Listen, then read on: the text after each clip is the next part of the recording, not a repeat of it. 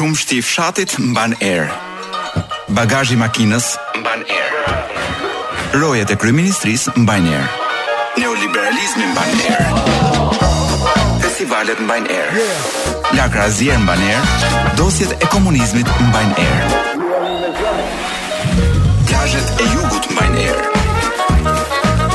Po ky është një mision? që nuk mban erë. Sot nuk është e hënë në Top Albania Radio. Kur dëgjova Blerin atë reklamën që thoshte Big Brother Radio, thashë qenka hapur një radio vetëm për Big Brotherin. Pastaj u desh ndërhyrja jote Fatume që më po. kujtove që në fakt qenka radio jonë. Është Top Albania Radio që përcjell çdo çdo ditë në fakt pas nesh sot do të jetë Elona. me të, pra, ftuarit e saj. Pra ne mbushim vakumin që lënë gjithë mediat e tjera dhe portalet për Big Brother, ne atë vakum e mbushim ne. Po, po, në një farë mënyre, mbas nesh kam frikë që do të shtohet konkurrenca. Unë që tani ndjej një lloj kështu si ngushtimi të ajrit, ë nga dita e sotme ne nuk do të jemi më ë Po domethënë përveç Big Brother Radio është hapur dhe kryeministri Radio, domethënë si s'i mjaftonte ERTV-ja, po është bërë dhe Radio TV, ku di- Radio Era. Unë Çfarë ka gjë? do flasim pak më vonë për këtë sepse të them të drejtën, ndjehem vërtet keq.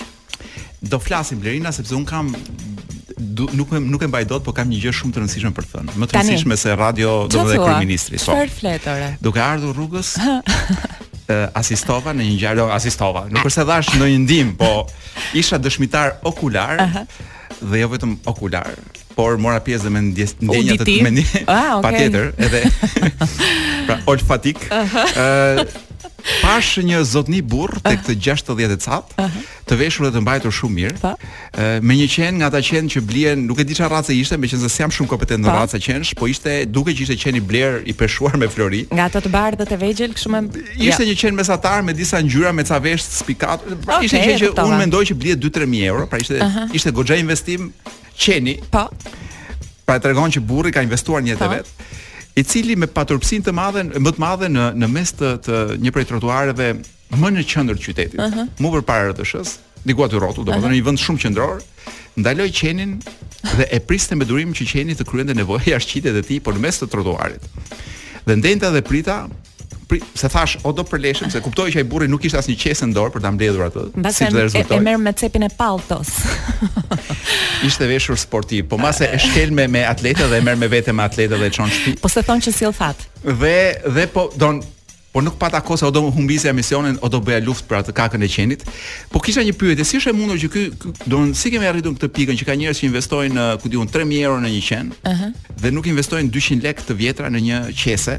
Po jo, nuk uh, është çështje mentaliteti dhe po, pra, kulture dhe edukate. Se ishte ky ishte veshur edhe me me rroba shumë të shtrenjta dhe vijmë te pika që ne jemi në stadin e derri vishet me Prada. Po tek ne, kështu që sa më të veshur mirë një, janë njerëzit, sa pra sa më fe, më shumë feksin uh, këto markat, aq më derra janë, me sa po kuptoj unë domethënë. Unë uh, jam duke shpresuar që këta qenë që kushtojnë kaq shtrenjtë dhe që janë vijnë domethënë nga kultura. Të zotin dhe, jo, dhe, ta marrin me vete, nuk e di me dhëmb, ta bëj edhe të s'e di, pra, maksimumi pra është... shpresoj që do jetë qeni që do mësojë të zotin. Pra është më kollaj thua ti që qeni po, po. të të të po, mësojë po, edukatën po, e të mos bërit të të të ose të heqjes së së kakave të qenve. Pra ta mbledhë atë kakën që do ta mbledhë njeriu. Do ndodhë më shpejt. Dhe gjitha kjo ndodh në në qytetin që është qyteti çfarë është Tirana, qyteti i rinisë, qyteti i sportit, qyteti i lirisë, qyteti i bukurisë, qyteti i ne kemi gjithë gjërat e i pyllit orbital. Po qyteti i pyjeve të Europës. i sepse i vilave dykatëshe. Pikërisht Beri ka ka ca kohë që çplodhem duke parë udhëtime virtuale në për qytetet e, e botës. Ëh. Uh -huh. dhe shoh dhe kryeqytete për vende që quhen të botës së tretë, uh -huh. kanë më shumë pyje orbital se ç'kemi ne dhe thua po ku i bën gjithë don ti sheh që është një qytet që ti e mendon që është i humbur, i mbaruar, korrupsioni maksimum, po qyteti prap ka, bën era qytet, ka ka ca pemë, nuk ka kaka në rrugë. Po, ka një downtown, ka një zonë, ka një zonë të një lagje të tërë pedonale, të pra është i sistemuar ka urbanistikë. Lajme shumë të mira janë duke ardhur. Kolo meqenëse jemi në prag të zgjedhjeve, ka një sërë lagjesh, për shembull aty te lagja ime është shkepur asfalti në të katër anët, punohet çdo ditë bëjmë video. Po ku do i bëjmë ta qentë, më fal, po kanë hequr. Po ku do i bëjmë kakat qentë e këtyre do qentë e pasanikëve. Më fal. Ja do presin edhe pas. Se kam vënë re Blerina, nuk e di a ke vënë re ti që qentë e popullit, uh -huh. po themi qentë e rrugëve. Uh -huh. Shkojnë të shkretë dhe bëjnë në Lanë. Pra nuk kanë kurajo ta bëjnë në mes të qytetit, sigurisht hanë shqelma janë, pra janë të, të diskriminuar. Ama qentë me zinxhir floriri e bëjnë në mes të qytetit. Kjo është Tirana jonë. Tirana e mrekullive dhe zhvillimit dhe ku di unë, e progresit të lartë. Po, dhe siç e kuptuat që nga toni hyrës i këtij programi të sotëm, ne edhe këtë të hënë që nuk është e hënë, do të shfryjmë të gjithë mllefin që Unë s'kam shtem, unë bile se unë mund ta mbyll emisionin. Tërë hallin që kisha e thashë për 2 minuta. Tani vetëm do themi tituj këngësh edhe ku di unë do flasim për motin. Hallet e botës do themi. Me çfarë do e nisim e dashur Kloi? Me çfarë bombe muzikore?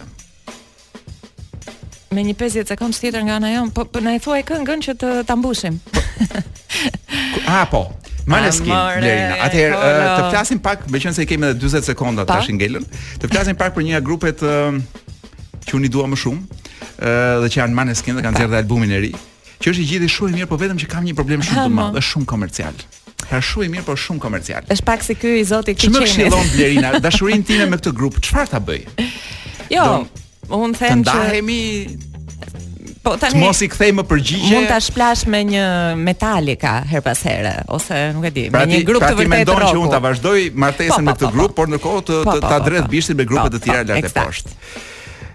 Eh, nuk më pëlqen shumë si zgjidhje, por do detyrohem të bëj ndoshta edhe një kompromis.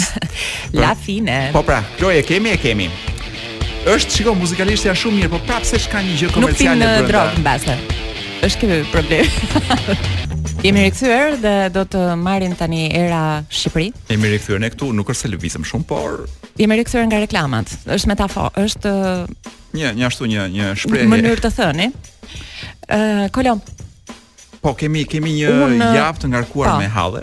Shumë. Domethënë unë u mundova të bëja një kështu ndarje të të informacioneve që kanë populluar më shumë faqet e portaleve javës së shkuar, edhe më rezultonte që një javë i dedikohej Vetëvrasjeve, një javë aksidenteve me makinë, një, një javë, një ditë, një ditë i dedikohej kriminalitetit të rëndë. Pra kishte çdo ditë të javës. Pastaj vrasjes në familje. M'u duk vetja në një në Ukrainë.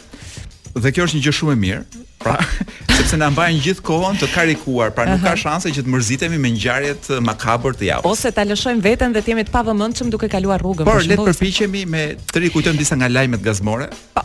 Unë për shembull kam një lajm shumë gazmor, ku kryeministri, që sigurisht është shumë i ngarkuar me punë, ka gjetur ama në ditën e tij shumë të ngarkuar. Uh -huh.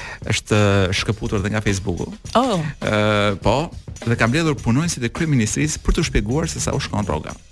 Pse nuk e kuptojnë ata me një vendim të thjeshtë? Unë unë pata më mbajti ishte si Po beson që i ka shumë të trashë dhe dhe nuk i vë faj. Sa është ai shumë lart. Oh, dhe nuk e kapin dot. Pra këta njerëz që zgjedh ai, domethënë i zgjedh që duket edhe më lart nga çfarë. Domethënë i zgjedh përgjithësi kështu nga këta jesmenët e famshëm. Uh -huh. Dhe unë po prisja momentin uh, kulminant që ky të fillonte t'ua shpërndante vetë rrogën. po ai moment nuk erdhi kurrë dhe ndoshta thashë po mbase nuk do t'u japi, se ne nuk e dimë do t'u japi apo jo. Unë prisja që t'i shpërndante. Po e kanë kuptuar se unë atë hall kam tani. E kanë kuptuar sa do të shtohet rroga. Do të shtohet. Unë mendoj që ata të trajnuar vetëm të buzëqeshin dhe të komentojnë me fjalë të mëdha në në rrjet, domethënë në gjithë postimet e kryeministrit. Po kur janë ballë për ballë me të nuk dinë se ç'të bëjnë të shkretët. Më pëlqeu shumë ky lajm. Unë do të ta kthej me një që të mbetemi kështu në nivel drejtues. Më pëlqeu shumë ky lajm që zëvendëskryeministrja Belinda Balluku ka shtuar emrin e motër, motrës së saj Pamela Qirko në uh, listën VIP të aeroportit të Rinasit. Dua të kujtoj që uh, motra e uh, zonjës uh, Balluku. Balluku është funksionare, është kryetare e komitetit të pavarur të kualifikimit që dhe aq e pavarur nuk më duket. Megjithatë, unë nuk zë va shumë nga ky lajm, Kolo. sepse unë vetë jam antar disa komitetesh të varura. por ndoshta duhet duhet të isha i pavarur që të më dhe kam një pyetje, dakord të futën këtë zonjën Qirko në në në listën VIP. Po kë hoqën? Mirë, fol mirë. Po kë hoqën? Jo, asnjë, është aty që shtohet. Jo, jo. A s'e mendon se është një klub elitar që duhet të vdesi dikush që të fusi dikë, pra si puna.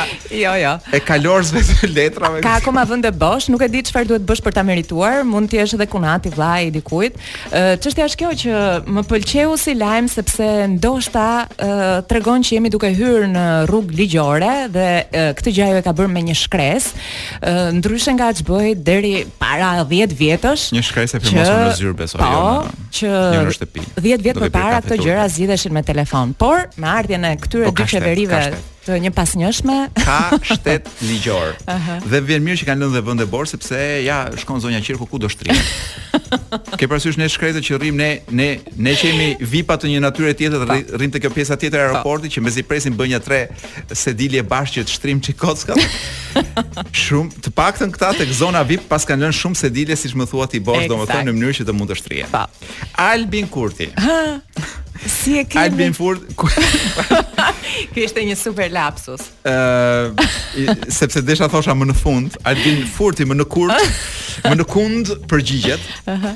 Dhe gjeje se çfarë ka thënë. Po i përgjigjet kujt? Ë, uh, nga Shqipëria atij i bëhet në mënyrë intensive vetëm Shantazh. një pyetje. Ë. Hë. Pra sa herë që duan të pyesin Me e, ose u vjen rasti të pyesin, i bëjnë vetëm një pyetje. I thonë me kë je në BBV të Shqipërisë. Kam përshtypjen që tani me asnjë se Olta doli, kështu që E paskan ftuar në një vend, s'e di si e ka ky emrin, sepse përderisa bëjnë kështu pyetjesh, mhm. domethënë pra të vjen një kryeministër dhe t'i bën pyetjen, mhm. a je fans i Luizit? Pra pyetja është kështu, precize në kokë. Po, se vetëm ai është. Dhe ky paska thënë, për besë nuk e ndjek. Nuk e ndjek, ndoshta së shumë mirë. Se duke qenë se ndiqet aq shumë, duhet ta di edhe unë se ç'po ndjek populli dhe qytetarët thotë. Por ë se 70% e kosovarëve e ndjek në mënyrë fanatike po. BBV-n tonë. Dhe 99% e jona. Por Albini bën pjesë te kjo 30% i këtyre një pjesës po themi pak kjo dëshmon shumë keq për të sepse ai nuk e njeh elektoratin e tij edhe unë parashikoj që zgjedhjet e ardhshme do t'i humbasë unë kam frikë që do i bëjnë pritë në në kufi dhe nuk do e lënë të hyjë në Shqipëri me këtë që ka thënë domethënë se nuk është se ka thënë nuk e shoh po pyetja që është bërë direkt për Luizin ky ë ka treguar mungesë totale respekti ndaj njeriut që mund të jetë lideri shpirtëror i shqiptarëve. Tani në 30 vitet që vijnë. Ti Kolo, nëse do të ishe kryetar bashkie i Tiranës dhe do kishe në dispozicion 65 milion lekë që e kam të vështirë ta kuptoj nëse janë të reja apo të vjetra, po gjithsesi marrim kështu të vogla, 65 të vjetra. Varet kush e thotë sepse opozita i vë gjithmonë të vjetra që duken shumë, nëse është për Në qoftë se është për çështje abuzimi, kurse shteti i thotë me të reja që të duken pak. 65 milion lekë, po themi. Çfarë do bëje me 65 milion lekë? Çfarë do bëja unë? Po t'ishe kryetar bashkie. Uh, me 65 milion që i shtohen sa të tjerave që kam në dorë. Lena nuk nuk arrij dot nuk arrij dot të mendoj si kryetar bashkie sepse Domethënë e shoh veten të humbur në pyllin orbital. Do nuk e di a do mbërrija dot në zyrë. Shiko, me një bicikletë. Mbase do të japin një qen. jo. Do blija një qen të shtrenjtë. Jo, një bicikletë të shtrenjtë. Oh. Domethënë, ose 50 bicikleta, Pesëdhjetë biçikleta për uh, inspektorët uh, e bashkisë. Ka pamja është fantastike, është shumë e bukur, imazhi 3D i inspektorit të policit të bashkisë me me biçikletë. Kanë blerë 50 biçikleta. Nuk e di nëse i kanë blerë apo jo, apo do t'i blejnë, por tenderi është fituar. Tani Unë uh, hulumtova në disa uh, portale për të kuptuar nëse uh, ishte tendencioz apo spekulativ lajmi, por e, e, e sjellin të gjithë në të njëjtën formë. Ne së shpejti do të kemi 65 milion lekë bicikleta 50 që do të qarkullojnë nëpër ato korsitë që shyqyr kemi dhe m'u kujtua Kolo nuk e di nëse ti e ke përdorur ndonjëherë mobajkun. E, e ke përdorur? Edhe unë, po. vetëm një muaj se pastaj u zhdukën. Jo vetëm u zhdukën, po mobajku më ka humbur, domethënë, më ka humbur jetë djersë, domethënë energji edhe më ka vrarë shumë qeliza. Duke u marrë me të. Sepse tentoja të gjeja një mobajk që dikush e kish marrë dhe e kish futur në shtëpi dhe flinte me mobajkun në krevat. Kështu tani do kemi 50 të tjera. Do është ç'të them, domethënë më në fund po bëhemi edhe qytet perëndimor, do nga nga Amsterdami na ndajnë shumë pak, na ndajnë vetëm 65 milionë lekë. Një këngë e Rolling Stones është e lashtë 60, ku di un, 700 800 vjet këngë, por është ja. E shef se si të ndez nga brenda të vjen një si zjarr. Ma mbyll zërin. Kam një libër që mban era. Sa desha të thoja ç'është kjo era? është një era Dalla Verde, thoja unë. Libri titullohet Udhëtim në trojet shqiptare Është libër e hera e fundit që lexoj nga ky libër i një shkrimtari aventurash të viteve 1800 Karl May. Ëh mm -hmm. ka shkruar një libër, në fakt libri Shqipëria është kryesisht vetëm në titull sepse ky zotëria jo vetëm që s'e ka vizituar Shqipërinë, pra ka shkruar nga divani i shtëpisë tij në Prusinë e asaj kohe. Ëh, por s'kishte as internet ku të hynte dhe të zhbirilonte një çik, domethënë ç'bën në Shqipëri. Kështu që thjesht ka imagjinuar ka një grup personazhesh këtu që janë me emra për... turq? nuk e di Blerina, por shumë ky personazhi kryesor është Kara Ben Nemsi. Po nuk është. Nuk është. Jo, shqiptar jo një herë. Se thashë, ku di un ç'gusto kanë pasur shqiptarët e 1800-s jo. në emra. Jo, jo. Te ky Nemsi edhe e shoh një çik, domethënë një një një një gjurmë të vogël domethënë. Te Beni po te i pari jo një. Pra është një grup njerëzish, është dhe një kryekusar që nuk shfaqet, ky është është ah, po një seri. Ah, po tani te historia që kemi. Historia është histori me aventura, është një kryekusar, janë këta njerëz që po ndiqen, pra është një gjë shumë e bukur si si aventurë, por Shqipëri ka pak. Por fakti që dikush ka shkruar për Shqipërinë atë kohë, më duket gjë e bukur. Libri është botim Toena, kushton 1200 lekë, po e blet në dyqan. Po erdhët te radio, mund t'jua shes unë me gjysmë çmimi. Para paratë shkojnë për bamirësi. Atëherë po e hap te nga fundi Blerina. Jepi. Ja, ta hap te faqja 400 si thua. Pa një numër i plotë. Më pëlqen mënyra si bën përzgjedhjen e pjesës. Po e kap te një fjali që më thotë që më thotë shumë. Gruaja m'u drejtua me falënderime të mëdha kur shkuam tek ajo. Por unë iu luta të heshte. I shoqi ishte ulur pranë dhe qe kaq i lumtur, që ajo pat shpëtuar nga vdekja saqë dukej se e donin marrëzisht njëri-tjetrin. Ah. që këtu mund të eh, vazhdojmë. S't jo, s'të mban era shumë Shqipëri. Eh, Shqip, po. para se Shqipëri e lashtë. Gëzohem që edhe ti je i krishterë, më tha burri. Nga e di ti këtë? e pyeta. Ma thanë miqtë e tu, gjatë kohës që ti u ndërrove. Kam dëgjuar edhe se ti nuk je raja i padishahut. Por je nga një vend mjaft i largët. A je nga kjo anë? e pyeta duke ndërruar bisedë. Jo. më quajnë Zef. Nga ajo anë. Vim nga Malësia ku ka shumë njerëz të varfër. Banorëve të këtij rrafshi nuk ua ka ënda të punojnë hekurudhë. Kur u tha se këtu mund të fitohej buka e gojës, pra pra në Shqipërinë e asaj kohe për të kishte hekurudhë atë. Mirë që ka po. këtu. Kur u tha se këtu mund të fitohej buka e gojës, shumë njerëz të anës sime morën rrugën dhe erdhën këtu për të fituar diçka. Meqë jam murator, më kanë vënë përgjegjës punimeve. Ke kryer ndonjë shkollë për këtë e pyeta? Jo, unë jam djali i dytë në familje. Vëllai im i madh quhet Niko dhe ka për të trashëguar shtëpinë, prandaj ma kishte gjithmonë ënda të ndërtoja vetë një gjë. Jo, më fal, vetë një. Pasi mësova shkrim e këndim, shkova tek një usta në Shkup, ku mësova zanatin. Im atë Gjergji është bari rreth 8 orë larg që këtu. Në cilin fshat? Nuk mund të quhet fshat sepse aty ndodhen vetëm dy shtëpi të cilat shtrihen në prevën e Treskës. Dhe ngaqë fqinji ynë ka marrë me qira një konak, quhet konaku i Treskës. Mhm. Mm kjo është gjë e mirë, kjo është gjë e mrekullueshme, thirra gjithë gëzim. Pse? Pyeti ai pa kuptuar shkakun e gëzimit tim. Sepse unë jam pikërisht në kërkim të konakut të Treskës. E gjeti. A mos ke ndërmend të kalërosh deri atje? Do që të shkosh tek im atë apo tek fqinji Xhemali? Me sa duket te Xhemali thashë. Me sa duket, as vetë nuk e di me siguri, pyeti ai i habitur. Jo, burri që kaloi lumin me lundër me gruan tënde është nisur për atje dhe unë dua ta ndjek pas. Ai ka për të takuar atje njerëz me të cilët dua edhe unë të këmbej disa fjalë. Kjo tingëllon sikur të ishe në armiqësi me ta, vuri re ai. I rëndë. Sot janë nisur për atje pesë burra me kuaj, të cilët synojnë të kryejnë një krim të rëndë dhe ne duam t'ua ndalim dorën. Ata duhet ta kenë kaluar lumin me trap. Wow. Aha. A ishte një farë Manah El Barsha, tagrambledhësi i Shkupit bashkë me ta? Po i thashë. Atëherë i pashë kur kaluan. Po qëndroja në breg të lumit kur erdhën, ata u zunë me traparin dhe i dhanë disa kamxhikë në vend parave. Kur Manahu më kaloi pranë, më hodhi edhe mua një shikim kërcënues. Më pëlqeu trapari. Përse? E pyeta. Sepse ai më urren jashtë mase, u përgjigj Zefi dhe vazhdoi. Ai mblidhte nga të krishterët taksat dhe më kërkonte gjithashtu 10 fishin ose 12 fishin. Edhe të tjerët kishin të njëjtin hall si unë. Prandaj u bashkuam dhe e paditëm. Ai mashtroi të gjithë banorët duke u marrë shuma të mëdha të hollash pra që atëherë. Hm? Çfarë dënimi mori? Nuk arriti të dënohej zotëri. Ai u arratis dhe thonë se mori me vete gjithë arkën e tatimeve. Ai nuk guxon të shkelë më në Shkup. Dhe ti je në kërkim të këtij njeriu? Ai ka pasur miqësi me konakçiun tonë Xhemalin dhe ma merr mendja se edhe tani janë kthyer tek ai. A mund të ma përshkruash rrugën për te konaku i treskës? I thashë.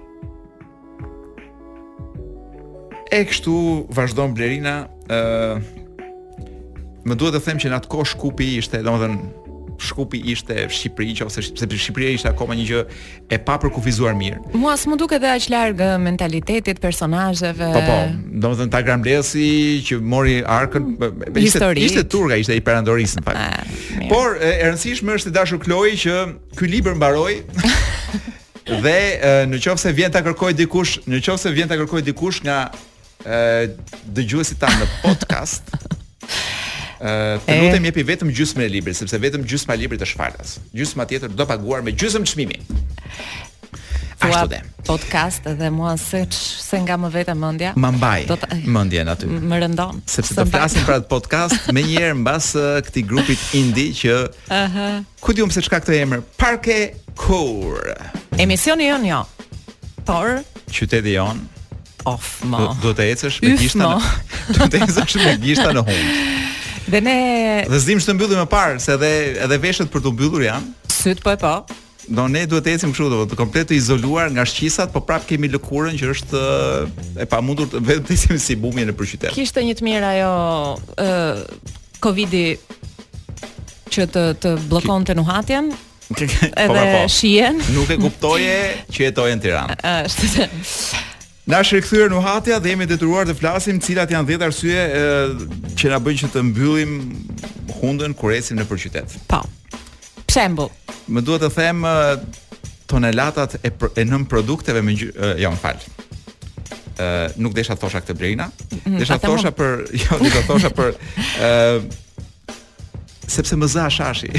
Po, po si bëra hundën më zë don sa marr i kthej don fat të them përpiqem të shmangem se dua shkoj serioz aty ku po shkoj. Le të themi në ndonjë mbledhje partie. Ëh Unë dhe nuk arrij dot sepse ka vazhdimisht njerëz që pinë duhan dhe dalin dhe dalin shkulma hashashi nga gjithë cepat, sidomos mbas ditëve dhe darkave. Dhe më duhet të them që përveç janë ata nganjëherë edhe ata që duhet ta ndalonin domethënë që tymosin hashash për të shplodhur. Po, jo se janë këta që do të miratohet ligji për përdorim mjekësor. Po fillojmë të bëjmë ca prova. Megjithatë, a ti mendon që po testohet në porrë të po, Tiranës. Po, po. Hashash medicinal. Në ndër të gjithë uh, aromat dhe erërat që mund të ndjejmë nëpër Tiranë, mua Kjo është ajo që më vjen më pak keq, të them drejtën, kjo ashashe. Se ka një lloj kështu, vjen si inçes. Më vjen keq, po nuk qenë ke fare njeri serioz. më ngjan vetja si në ndonjë harem nga ato A, jo, mirë, nëse. Nuk nuk e di, nuk kam qenë në hareme nga ato Blerina. Un nuk flas dot. Un aty jam rritur. Atëra, arsye tjetër përse Ti nuk ecën dot pa futur gishtat në hundë duke ecur nëpër Tiranë. Janë tonelatat e fekaleve që i japin formë dhe ngjyrë lumit të gjatë dhe të zhdërvjell të Lanës. Ke vënë re që nga do t'i biesh të, të mbrin në hundë. Po, Lana është si një gjarpër, uh, si më thënë, ngjyrë kafe. Gjarpër, një krim i holl, i gjatë. Mirë, varet se çfarë nënprodukti kanë dorëzuar qytetarët në në në tubacione që që derdhen në Lanë. Po më duhet të them që një ne jemi ndoshta qyteti që kemi numrin më të lartë ë, pra Fekaleve? Un, jemi prodhimtarë të tyre, por jo, do thoja që ë unë besoj që ne kemi 2-3 kondicionerë për kokë banori. Mhm. Dhe janë dhjetra mijëra kondicionerë që, si më thënë, heqin duhmën e banesave dhe ja lëshojnë qytetit. Pra ti ecën rrugës dhe arrin të të nuhasësh të gjithë ku di unë ç'ndodh brenda shtëpive dhe ambienteve të ndryshme për nga dalin duhmat e, e kondicionerëve. Është vërtet. Tjetër arsye janë koshat e plehrave që vjellin nëpër trotuare sufllaqet e lëna përgjysmë apo shishkat e thyera të penicilinës dhe unë nuk di çfarë ka dashur të thotë autori me këtë. Unë s'e kam kuptuar kurrë sepse e, gjysmat e sufllaqeve dalin nga koshi dhe ecin nëpër rrugë, domethënë dhe, dhe dhe vdesin 2 metra larg koshit. Mua kështu më ngjan me halat e peshqve, me me kurrizjet e peshqve, me luspat e peshqve. Ka disa vende, disa pika në Tiranë që Sepse edhe shënjestra e shumë njerëzve nuk është përmirësuar gjithë këto vite Blerina. Pra ti tenton ta gjuash nga 10 metra dhe edhe mund ta zësh, po në sh... Nuk u bën 10. Apo po, ndërpresim me një këngë. Kam gjëra më të rëndësishme, unë do thosha që ë uh, një gjë që ti duhet të ecësh me gishta duke mbyllur hundën në Tiranë është se gjithmonë vjen vërdall Një punonjës bashkie që fut gishtin në hund njerëzve.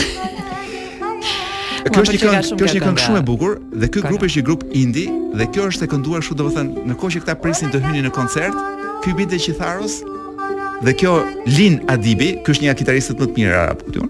Dhe kjo e këndonte aty mbështetur mbas një muri, një mrekulli e vërtet. Na përkund. Wala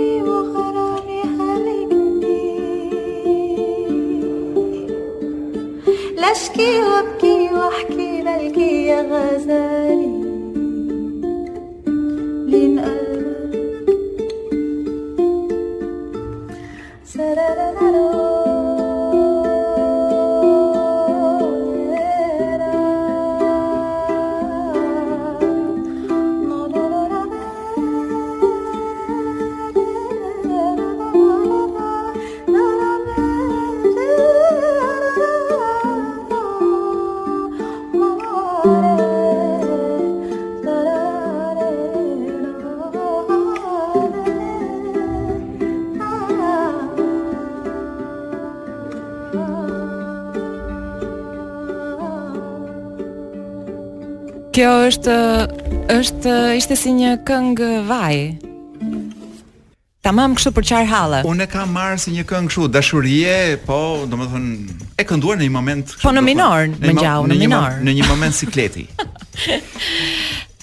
Të çajmë hallin kryesor që kemi sot, që është konkurrenca deri diku e e ndershme. Sa po thoja pa ndershme? Sa? Që po na bëhet nga një institucion i cili ka hedhur tashmë artilerinë e rëndë. Ka për kryeministria. Kam përshtypjen që ai e ka bërë këtë si person uh, fizik. nëse do të kishte një NIPT, do të ishte person fizik. Ë uh, kryeministri ka vendosur që të nisë këtë cikël uh, radiofonik, uh, podcastesh, le ta quajmë kështu, ku uh, do ta shohim të vendosur në rolin e gazetarit dhe drejtuesit.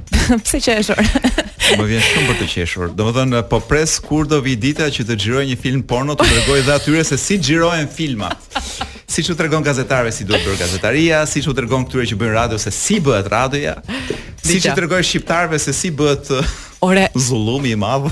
Tani, ajo që më pëlqeu më shumë mua në gjithë këtë, atëherë, ky program, ky podcast do të përmbajë intervista me artistë, njerëz të fjalës, njerëz të veprës, të pushkës dhe të penës, pozitarë dhe opozitarë, të gjithë ata që e duan, e duan dhe e urrejnë kryeministrin, kush të dojë dhe do ta ketë titullin flasim. Unë do doja shumë që ta kthenim në në, në uh, hashtag këtë, por nuk do doja në të njëjtën kohë që të na vidhte dëgjuesit uh, kryeministri, kështu që um, me Por lajmi lajmi i mirë është që shumë njerëz uh, që janë unë e di që shumë njerëz janë të detyruar ta dëgjojnë këtë podcast sepse aktivistët është, është, një po, është një sistem që i detyron që i detyron të bëjnë like, të bëjnë komente etj etj. Po të paktën mund ta dëgjojnë dhe vetëm me zë sepse pra do kenë shansin e madh mos e shohin dhe me figurë. Tani e di ç'më bëri për të qeshur? Kishe diçka për të thënë? Jo, nuk kisha. Mua më bëri shumë për të qeshur një fakt, Kolo, sepse fa, domethënë, në fillim e mora shumë seriozisht. Pastaj fillova i lexova nga dy herë komentet, ishin mbi 1 milion komente në këtë uh, postim të tij në Facebook edhe i lexova i rilexova edhe fillova të lexoja mes rreshtave tone ironie prandaj desha të të pyes të lutem kur dikush i thotë Zoti kryeministër, je i gjithanshëm në politikë, ekonomi, kulturë, sport dhe shumë të tjera, por fjala e urtë popullore thotë fundi për hajër. Këtë do ta tregojë koha. Është e mirë apo e keq? Është koment i mirë apo i keq ky? S'e kuptoj. Unë nuk di ç'të them, po unë sa pashë një koment tjetër ha. nga një zonjë, shpresoj të jetë emri i vërtetë se këtu s'merret vesh domethënë kush janë llagape fallse dhe kush jo. Një zonjë që e kanë quajtur Vera Kapinova Aha. ose quan veten Vera Kapinova, Aha. që thotë me kryeministrin që duam, jeni mbreti i shqiptarëve. Je më i miri. Jeni një Dhe ka vënë 5 diamante. Ju jeni 5 diamante, pse thot jeni një dhe fat Pra nuk i nuk i ka dalë një diamant i vetëm prandaj ka vënë 5 thot. Dikush tjetër i thot, "Bravo, një ide e shkëlqyer, vetëm kështu e luftoni korrupsionin dhe shumë institucione akoma të korruptuara." Pra, sikur un të mos e dija ose të mos kisha ose sikur ne mos kishim kontakt të përditshëm me shqiptarët, ë për të do vërtet do mendonim që ndërmjet këtyre rreshtave ka ironi sepse nuk mund ta besojmë që dikush i shkruan seriozisht këto gjëra. Por unë besoj që ata që i shkruajnë shkruajnë shumë seriozisht. Unë dua të besoj që ne na nga e keqja na është stërvitur dhe kalitur aq shumë fantazia edhe kreativiteti sa tani mund të flasim vetëm me ironi me njëri-tjetrin edhe kundrejt kryeministrit. Megjithatë dua t'i them edhe diçka kryeministrit që megjithëse ai mendon kur të të ftojë, shko ia thuaj atje. jo, jo, megjithëse ai mendon që është nismëtar i i këtyre gjërave që i bën për herë të parë etj etj, më duket që dikë ka kopjuar në këtë. Sigurisht që ka kopjuar dikë, por nuk ka rëndësi kjo. Foltorja Kolo. Është, është një njeri. Flasim, foltorja. Do të arrish gjithmonë i dyti. Është gjithmonë një tjetër i pari. Thjesht një njeri që po e vret mërzia. Nuk di po ç'të bëjë. Po pse ai pikturon? Ekspozita bën. Kështu thonë për të legjendat. Kolo? Po tani përpiqemi. përpiqemi, mora vesh që paska Ha, more. Se si jam. Lena, sapo lexoja që javën që kaloi na paska lënë një zonjë e nderuar. Ha. Bashkëshortja e Selman Stërmasit të famshëm. Po, po, 102 vjeç. 102 vjeç dhe një një kohë e mirë për të ikur që mos shohësh shkatërrimin e stadiumit Selman Stërmasi etj etj, pra ato gjëra që po. Uh, Befas, Tirana ka nevojë për stadiume të reja apo jo? Gjithë qëllimi është të prishin këto të vjetra njëherë, se ka aty dalin gjëra. Dalin kulla, dalin mundësi për dyqane, për gjëra, është një, pra është një biznes i natyrës tjetër. Po siç zonja, ë, uh, iku, martuar që 13 vjeç në 1930, ku Sa e mirë. Pra, fejuar që 13 vjeç, martuar 15-16. Kohëra që kanë qenë në Blerina. Dhe dhe aty bëhet kam dëgjuar që bëhet dhe futboll i ndershëm dhe dhe i pastër. Pra ku gjithë lagja hidhte ca para që ekipi i lagjës. Kishe qejf të bëheshe tifoz lëk. Po. Jo si sot që vjen ku di un, vjen vjen mafia dhe thotë ça do blej këtu. Por nuk ishim nisur për të folur për këtë Blerina, po kjo ka lidhje me atë që do themi. Ka lidhje me lumturinë. Është publikuar është i 10-ti vit radhazi që po. publikohet. Dhe i gjashti vit radhazi që Finlanda zgjidhet. Pra në këto 10 vjet 6 herë Finlanda është vendi më i lumtur në botë. Pra është lista e lumturisë. Nuk është zgjedhur, e kanë zgjedhur ata që jetojnë aty. Është një ekip, është një ekip i tërë mbrapa tij që merren vetëm me atë punë, mm -hmm. është mhm. komisionuar nga UN-i, pra është një përpjekje shumë serioze Po e lexoja me një kuriozitet të ngritur për të kuptuar se çfarë është lumturia në fakt dhe çfarë bën finlandezët kaq të lumtur. Po, dhe çfarë na bën ne që të jemi në vendin e 83? Oha.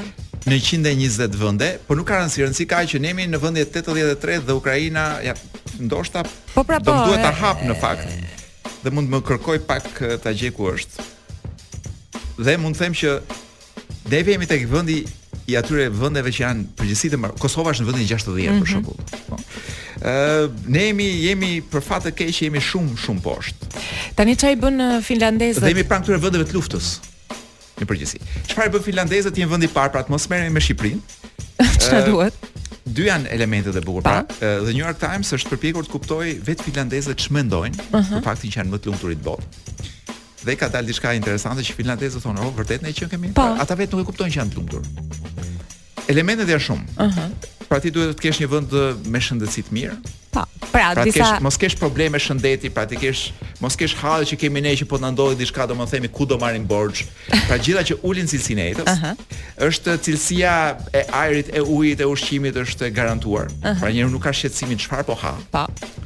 Ëh. Uh, nuk ka shqetësimin çfarë a do e shtyjë rrogën në fund të muajit. Po. Pra gjithë ato probleme që ne besoj do vdesim me këto probleme këtu sepse nuk shoh Jo as... se do rriten rrogat në dy vjeçarin e ardhshëm. nuk shoh asnjë kalorës që të vijë këtu e thotë do i zgjidh këto probleme. Por ka diçka tjetër që është që ka të bëjë me çfarë duan njerëzit nga jeta. Ëh. Mm që kjo është dhe, mentalitet, kulturë, frymë, edukim. Se është, meqenëse ishim te edukimi, arsimi në Finlandë është, po. jo vetëm është falas, por është edhe më cilësi, më cilësori në botë. Ëh. Mm -hmm. Në Finlandë un po lexoja intervista që The New York Times ka bërë me finlandezët uh -huh. për të pyetur për për këtë gjë që u ka ndodhur. Uh -huh. për faktin që janë më të lumtur në botë dhe njëri nga ata tha, "Kjo na vë në shumë stres." Sikur të ishim vendi i dytë do ishim më mirë, do po të jemi vendi i parë, është një stres që nuk duam ta përballojmë. Pra nuk duam të marrim kësi lloj përgjegjësie para botës. Ë me sa ku- në- Mhm. po themi gjithë përfundimi i i këtij studimi ishte që jo i këtij studimi, po i këtij shkrimi mbi mbi Mhm. lumturinë ishte që ndoshta finlandezët nuk kërkojnë shumë nga jeta. Pra kërkojnë i kanë ato gjëra që u duhen për të jetuar mirë. dhe nuk duan as të jenë më i pasur, nuk ka nuk ka njeri që do të jetë më i pasur i Finlandës. Është ajo as më i fortë i Finlandës. Teor teoria epikureane që ti mund të jetosh shumë mirë me fare pak, pra një herë që ke plotësuar nevojat bazike, mund ta shijosh jetën shumë më mirë se sa po të fillo, domethënë po t'i hapësh vetes xhepa të tjerë. Unë kam takuar dikur kolo një e, grua shqiptare e cila ka 30 vjet që jeton në Finlandë dhe e pyeta gjerë e gjatë hollësisht për jetesën aty dhe sigurisht pyetja e parë që i bëra ishte lidhur me të ftohtit që është një ndër për mua problematikat më të mëdha dhe arsyeja kryesore që mendoj pse ne shqiptarët jemi kaq dembela në kur jetojmë në Shqipëri, sepse jemi kaq llastuar nga pozicioni gjeografik, moti etj etj. Ë dhe më pëlqeu shumë mentaliteti dhe e, ideja ose mënyra se si ata e, tra, e trajtojnë e, marrëdhënien me natyrën me ambientin.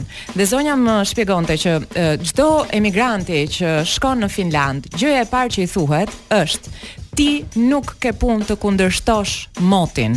Ti do ta ndjekësh atë. Gjatë njëzet e katër orëve të ditës, në Finlandë ti mund të kalosh në katër stinë të ndryshme. Del dielli, bën ngrohtë, fryn erë, fillon shi, uh, ulen temperaturat, ti në çantën tënde ose makinën ose biçikletën tënde do të kesh një triko leshi, një uh, kundër një xhakavento kundër erës, një çadër. Pra, ti thjesht do të ndjekësh natyrën dhe ciklin e saj. Dhe më duk një filozofi fantastike. Në të vetmen herë që kam qenë në Helsinki Blerina, vendosa që të vizitoj një sauna uh -huh. publike dhe uh, domethënë me ishin me qindra burra lakuriq dhe gra në sytë e njëri tjetrit pa asnjë lloj kompleksi uh -huh. që ndiqnin pra ne do ishim gjithë kohën këtu domethënë mos po dukem çik i vogël mos jam tkurrur më shumë se ç'duhet aty nuk kishte asnjë lloj kompleksi se kishin vajtur secili për qejfin e vet uh -huh. po unë dua të them diçka që finlandezët e kanë dhe Kjo unë besoj që është përmbledh atë që po thoje ti dhe shumë gjëra të tjera për Finlandën. Ëh, uh, në Finlandë ka një ligj që thotë natyra është e lirë. Që do thotë, ëh, uh, ti mund të kesh pronën tënde në një pyll. Mhm. Mm por kushdo ka të drejtë, ka të drejtë të ecë në atë pyll apo në atë arë. Pra nuk të ndalon po, të po. dikush thotë që kjo është ara ime dhe mos shkel këtu se ta hodha pushkën. Dhe parqet janë të hapura. Pra ti çdo gjë që është natyrë, pavarësisht se pronë e kujt është e shtetit apo e individit, Ti ke të drejtë me ligj që të shkosh të rrish të shplodhesh edhe ta shijosh. Që tregon që është një planet krejt tjetër. Nga ky vendi ku tashmë janë bërë dhe trotuaret, do të, të vrasin dhe për trotuarin tashmë. Hajde shpjegoja se ishte i shtetit. Ne jemi të 84-tët dhe ata të parët. Ikim o Kolo, ikim, ikim se na lodhe. Nuk do ikim shumë larg, do ikim në në Francë ku është një vend tjetër që vuan nga Nga lumturia e tepruar. Ah. Se ishin dy, nuk ishin keq dhe këta. Kam një lajm shumë të bukur. Pesë vjeçën e parë. Jemi rikthyer me këtë fjali klishe, sepse ne në fakt nuk shkojmë asgjëkundi, nëse ju mendoni që ikim diku gjatë periudhës së pauzës publicitare. Uh, nuk ikim se na gjobisin. Shiko, meqenëse ishim te këto uh, diskutimet me mirëqenie, natyrë, Finlandë, unë do të të çoj në Zvicër tani, Kolo? uh, është një lajm që nuk e kuptova shumë mirë pra, dhe Pra mirë që ngulëm thikën, po edhe do ta rrotullojmë po. pak. Ë, uh, dua të ma shpjegosh pak se kam shumë të vështirë ta kuptoj, meqenëse në këtë mëhallën tonë nuk ndodhin asnjëherë gjëra të tilla. Unë sinqerisht nuk e di se çfarë bën bota. Unë nuk e di ku hanë këta dhe ku frymëzohen. Dëgjo pak. Mbi 2000 gra thotë. Mbushet me me me me me, me puçërriza trupi nga nga hyrja. Mbi 2000 gra hedhin në gjyq qeverinë zvicerane. Padia është historike. ë uh, sepse për herë të parë në Strasburg çohet një çështje që ka lidhje me ambientin dhe që mbi të gjitha ngrihet nga 2000 gra, mosha mesatare e cilave është mbi 60 vjeç, madje kishte edhe 2-3 zonja rreth të tetëdhjetave. Që kanë koma dhe kanë dalë të protestojnë. Se, po, se për, shk për shkak të ngrohjes globale, ata oh. mendojnë që qeveria nuk është duke e marrë seriozisht këtë çështje, dhe duhet të marrë masa që të ndjekë politika të caktuara, që ato të mos vdesin. Pra ndryshe nga gratë e ca vendeve të tjera që nuk ia themi dot emrin që dalin vetëm kur i fton qeveria që dalin në protesta kundër patriarkatit. Nuk e kuptoj këtë lajm. Kemi disa gra të cilat janë realisht të shqetësuara për ngrohjen globale sepse logjika e do që gruaja, që është nëna e njerëzimit, të jetë më e shqetësuar për ngrohjen globale. Se meshkujt dihet që janë budallenj domethënë. Po. Ato janë të shqetësuara, ë pra e kanë konsideruar si shkelje të të drejtave të njeriu, Kolo, nuk po e zgjas më. Pra ngjarja ka ndodhur në Zvicër, normal nuk mund të ndodhte në Shqipëri ku 2000 gra me njëra tjetrën të gjitha bashkë do nuk do bëshin dot edhe sepse ca do urrenin ca. Ca do thonin po që ajo s'vij unë. Pra kemi një histori jo të mirë me këto mbledhjet masive të grave. Përveçse kur bëhet fjalë për të vajtur në klub striptize për 8 uh, mars, po. Ke ndonjë lajm për të më konkurruar apo të vazhdoj? Kemi një kam një lajm, por nuk e di a quhet lajm tashmë, kujton, është një donator sperme në, në Holandë, i cili paska 500 fëmijë. Aha. Po, nuk e di a quhet si. jo interesante, shpresoj. A quhet, a quhet uh, lajm dhe është akoma 41 vjeç, ëh. Unë pra, do derisa shkojë 90 vjeç ai do ketë mbushur Holandën me me të paktën një qytet vogël. Unë uroj që t'i ketë shpërndarë, ta ketë hedhur larg, si të thuash. Kur e ka shpërndarë, që këta 500 të mos takohen diku dikur dhe të bëhen vëllezër e motra me familje. Është është ky shqetësimi dhe gjëja ka përfunduar në gjyq sepse njëra nga këto gratë kur ka marrë vesh që ky zotria domethënë dhuronte pa fund, është një sekond. Po në qofë se fmijt e mi rastësisht takojnë fmijt e tjerë të këtij dhe riprodhohen dhe, dhe, dhe, dhe paska dhe një një kështu një lloj rregullore etike në, në, në Holandë që maksimumi 25 domethënë po, donacione mund të bësh. Unë nuk e kuptoj pse i thonë pastaj donator se ata paguhen edhe goxha mirë. Nuk është se e japin kaq falas. po nejse. Domethënë ky është, le themi që është muzikant. Dhe është çik tralala. Ky burri për cilin po flasim.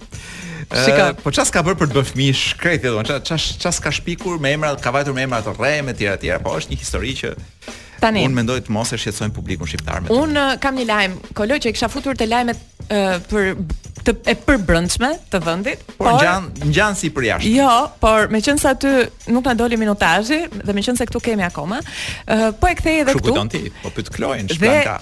po e shpërndaj si një lajm të mirë për Gjermaninë. Në fakt, kur ky është një lajm i mirë për të gjithë shqiptarët, Ë Gjermania është duke mirat duke miratuar projektligjin për migracionin dhe ka vendosur të mirëpresë 50.000 emigrantë nga vendet e Ballkanit Perëndimor, të cilët ndryshe nga më parë nuk kanë nevojë të jenë as të kualifikuar. Pra, ti nuk duhet të jesh fare mjek, as infermier, Asgjë më fare. A as duhet dish gjermanisht? Një pyetje, a duhet të jesh në moshë riprodhuese? Apo mund shkosh edhe 90 vjeç edhe të marrin. Besoj që të marrin. Më duket sikur po na marrin për na mjelë o Blerina. Nëse s'na duan për punë, për çfarë na duan? Ua! Don. Jo, më jo, të formojnë vetë ata. Shkon ti ashtu, copë. copë mishi po. Copë, po. Të gdhend unë të bëj njeri. E kupton 50000 vende pune dhe ligji nuk është siç ka qenë më përpara që ishte me afat kohor pra për një vit, për dy vite. Wow, wow, wow, shumë the. Është pa Po t'i çojmë 100 dhe t'i themi na ktheni 50 prapë. Na i latoni një çik.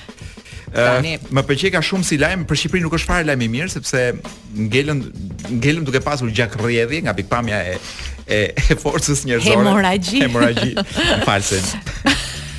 Nuk përdora termin shkencor. Po kaq gjë nuk duhet uh, diplomë në mjekësi, e thashë. Por jam pak në, në lajmet që kolegu im dhe kolegu jonë Florenc Rellari ka përgatitur, paska një kështu një një fill erotik që i përshkon gjithë lajmet oh, e huaja. Kam shumë. Universitetet kineze. Po. Ë, po japin studentëve një javë pushim për të rënë në dashuri. Oh, sa qesh. Shko, da, për të rënë në dashuri thonë këta, po ajo është ja ku është fusha, ja prezervativi i shpuar, shko të lutem. Sepse kanë kuptuar që po po tkurret Kina. Çfarë thua? Nuk bëjnë më fëmijë sa ç'bënin. E po kollaj kur e vunë e ndaluan me ligjin e ri që nuk lejoi më shumë se një fëmijë. Tani të luten. Kollaj e patën shumë. Duhet të luten. dhe duhet të luten, s'po themi se kujt domethën, por problemi është që nuk ka riprodhim. Tani, Kolo, meqenëse ne kemi një gjurmë të theksuar seksi në këto biseda tona të këtij programi dhe shumë dëgjues tanë ndoshta mund të shqetësohen herë pas here dhe thonë pse flisni shumë për për seksin. Ë në fakt nuk e themi ne, e thotë shkenca. Më fal, më fal. Dëgjues tanë, dëgjuesit e tu, se dëgjuesit e mi thonë pse flisni kaq pak për seksin. Që unë them që palët t'i ftojmë në një banket.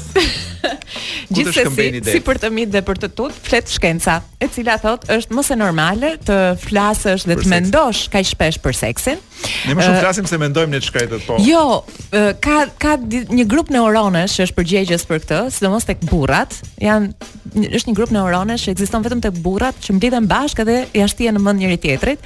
Por çfarë thotë shkenca është që deri në 18 herë për burrat dhe 10 herë për gratë është normale. Nëse ti fillon dhe mendon për seksin më shumë se 18 herë në ditë, ë pra, dhe je burrë. Pra do të trim do të numërojmë domethënë. Po. Po në qoftë se numëroj nuk më ikën mendja, po do dhe nuk mund t'i kem të dyja dhe numrimin dhe mendimin, por më duhet të them atë gjë që the për neuronet nuk e di pse e the. E thotë shkenca ore fokus. Jo, jo, sepse këtu i kemi të gjitha të hapura dhe unë i lë te dera.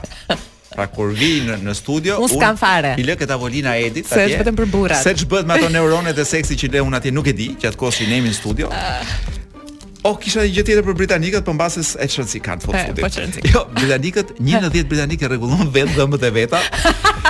Nuk, do të thotë ku po i çojmë ata njerëz me me me gomone pa de, në një vend pa dentist. Është ai moment kulminant, do thoja unë. Ku do vijë era kulturë, kulturë. Unë shfletoj elektronik në, në PDF fjalorin e gjuhës së sotme shqipe. Ha. Dhe dëshira e mirë është që të arrijmë sa të kemi jetë Pra, të, të, ta lexojmë deri në ta çojmë deri në fund këtë fjalor. Unë nuk di ç'taksirat të kanë ty dëgjuesit tanë. Blerina. Nuk e di. Po e filloj me alveolë. Janë ato të peshkut. Kam edhe, jo, kam disa gjëra këtu që mund të thoja. Ë uh, Alveola është uh, Janë gropëza në kockat e nofullave, ku ngulen rrënjët e dhëmbëve. Mm. Pra, janë si punë hojzash këto. Pa. Dhe quhen alveol. M'u duk si emër latin. Do të thash, si s'e ka vajtë mendja njeriu të quajë fëmijën alveol. Kur çfarë emrash nuk po vëm, emri alveol unë propozoj është i Ka dhe një tingëllim, po ka dhe një kuptim të Muzikalitet Ka edhe një kuptim, ka atë që thua ti Brenda do, do zbres ke alli Ku Alli është diçka e kuqe e ndezur Dhe pa hë për para se jemi ke aja Po, jemi akoma ke aja Kemi ecur mirë uh, Nga alli dalim ke tek uh, Allati. Po ç. E shef që buzëqeshe, ne nuk e dimë pse Allatet. I njohim mirë. I njohim mirë, por i paskemi njohur keq. Vërtet. Se me fjalorin e gjuhës së sotme shqipe, Allati është thjesht kalë me qime të kuqërremta në të verdhë. po mos është me hë ajo tjetra. Mundet. Po do të presim derisa të shkojmë te hëja. Që ta marrim vesh për për për çfarë bëhet fjalë. Kurse madje Allati është kalë, kurse Allateja është pelë. Pra mund të thua pra, i hypa. Allat ka dhe Allate. I hipa Allatit. jo, më fal, është Allate. Se më më më më shkau një kështu një një një theks aty. Një theks. Pra është kemi Allatin dhe Allaten. Allati rendte si tërbuar. dhe, dhe nuk mund të pa folur për Allaxhan. Ç'është Allaxhaja? Allaxha, që ti mund të mendosh që është një hallë dhe një xhaxha që vijnë bashkë për vizitë, jo. Jo. Allaxhaja është pëlhurë e shndritshme pambuku, a mëndafshi, me vija e me lule ngjyrash të ndryshme. Pra çdo veshje e bërë me këtë lloj pëlhure, quhet Allaxha. Po. Për shembull, çitjanet janë çitjane allaxhaje. E po, sa ashtu janë me lule. Ose ku di unë po themi, ku di unë thuaj. Erion Veliaj vishet me allaxha. Jo, ai ai tjetri, ai më i gjati. Ai tjetri, po, më fal. Se vazhdimisht më më ngatrohen me njëri-tjetrin. Nuk e di. Ë mund të flisja për Allçin, që është prap Allçi është kalë me qime të kuqe të ndezur këtë radhë. Ku e ke theksin? Mirë e kam. Allç, Allçi, Allçë, Allçët. Po Allçi. Po Allçi është jo Allç, është okay. vetëm Allç, po. Ndërkohë që Allc uh -huh. është një copë sholle që i shtrohet kallëpit të këpucëve për të formuar me këpu, në këpucë vendi vendi i përshtatshëm për trinën e këmbës. Pra kupton ç'ka shqipja? Këtë e kanë harruar edhe këpucëbërësit. Po, se nuk ka më këpucëbërës. Shqipja ka një ka një term për copën e shollës që i shtrohet kallëpit të këpucëve për të formuar vendin e përshtatshëm për trinën e këmbës. Trina, më pëlqen trina. Do dal dhe ke allja, se për aty jam nisur. Aha. Është shumë e rëndësishme allja, po. Ke 18 rrugës, sekonda. Rrugës kam uh, allçen që thashë është pela me qime të kuqe të ndezur këtë rrallë, hm, se është e rëndësishme ngjyra dhe variacioni i të kuqes. Allçin e dimë të gjithë. Tani vijmë tek allja, që është ngjyra e kuqe e ndezur, por ëh, uh -huh. kuptimi i dytë i alles është dhi me qime të kuqe të ndezur. Kjo dhi si folja apo si emër? Dhi si zonjë. Pra dhi si zonjë përfaqësuese e botës shtazore blektorale. Kemi edhe Almen, që është një bimë me kërcell e me gjethe si të lulediellit, që ka rrënjë si patate që hahet. Aha. Uh -huh. Ëh, kemi edhe altënin që është term i vjetër thotë këtu, ja i vjetëruar shumë. 500 vjet, po një. Floriri. Altën. Altën, po. Altën. Po, ah, po, tani m'u kujtua, po. m'u kujtua një emër dyqani, po. Këtu do e lëmë e dashur Blerina. Aha. Sepse po mendoj që mrekullitë që vijnë më pas nga Amani e tutje, t'i trajtojmë në javën e ardhshme. Unë mendoj që ti do të na thuash, do të na lexosh edhe shumë fjalë të tjera, Kolo.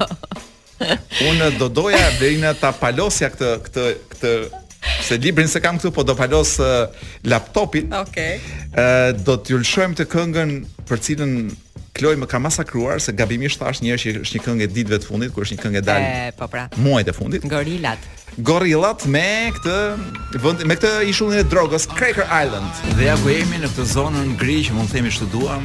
Unë kam në fakt një lloj studimi të vockël, po ti kishe një lloj studimi po aq të vogël. Po mirë, do fillojmë me të voglin tënd apo me të voglin tim? Me të me studimin më të vogël. Që është ai imi. Jepi. Jo është i joti sepse imi është pak pak më i gjatë. Atëherë. Se ka dhe bisht ai. Po. Tund dhe bishtin. Atëherë Kolo, ë është bërë një studim shumë interesant për të kuptuar çfarë arome, meqë jemi tek një program që nuk mban erë, çfarë ere pëlqejnë gratë tek burrat ose çfarë i ndjell më shumë tek burri i tyre apo ke burrat e botës? Në përgjithësi, në përgjithësi. Pra nëse ti je një burrë, je një burrë dhe do të pllenohesh të Të shumëfishohesh. Shumëfishohesh. Të fotokopiohesh. Do të kesh më shumë shanse nëse ti udhëheq një jetë uh, vegane ose vegjetariane ose siç e thonë ndryshe studiuesit një dietë të pasur me karotenoide. të treja duhet të hash fjalë. Më duket si tre fjalë të ndryshme. Dua të di nga nga kuptojnë gratë, domethënë që këta burrat po hanë sallatë, sepse ai nuk di. Nga era sqetullës.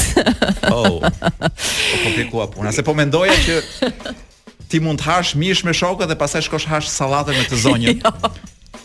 Por nuk qenka kaq. Lëkura dhe sqetulla nuk gënjen. Pra, Blerina, më fal, duhet ta hash sallatën apo duhet ta fërkosh? Do si si është si funksionon ë uh, paraqitja dinjitoze para një zonje në këtë rast. Nuk e vazhdoj dot. Mirë, të flasim për studimin tim që është më i rëndësishëm se ky i yti Blerina, po. se flet për një trend të ri që është këta e quajnë ghosting. Ëh. Po. Ajo që zhdukesh. Puf. Thjesht zhdukesh. Pra je në një marrëdhënie Puf. që ti mendon se je shumë mirë. Vjen era sallatë. Po, ti mendon që është një marrëdhënie bile ç'i thua shoqeve që wow, do është kam gjetur njeriun, domethënë sa mirë që po ndihem etj etj.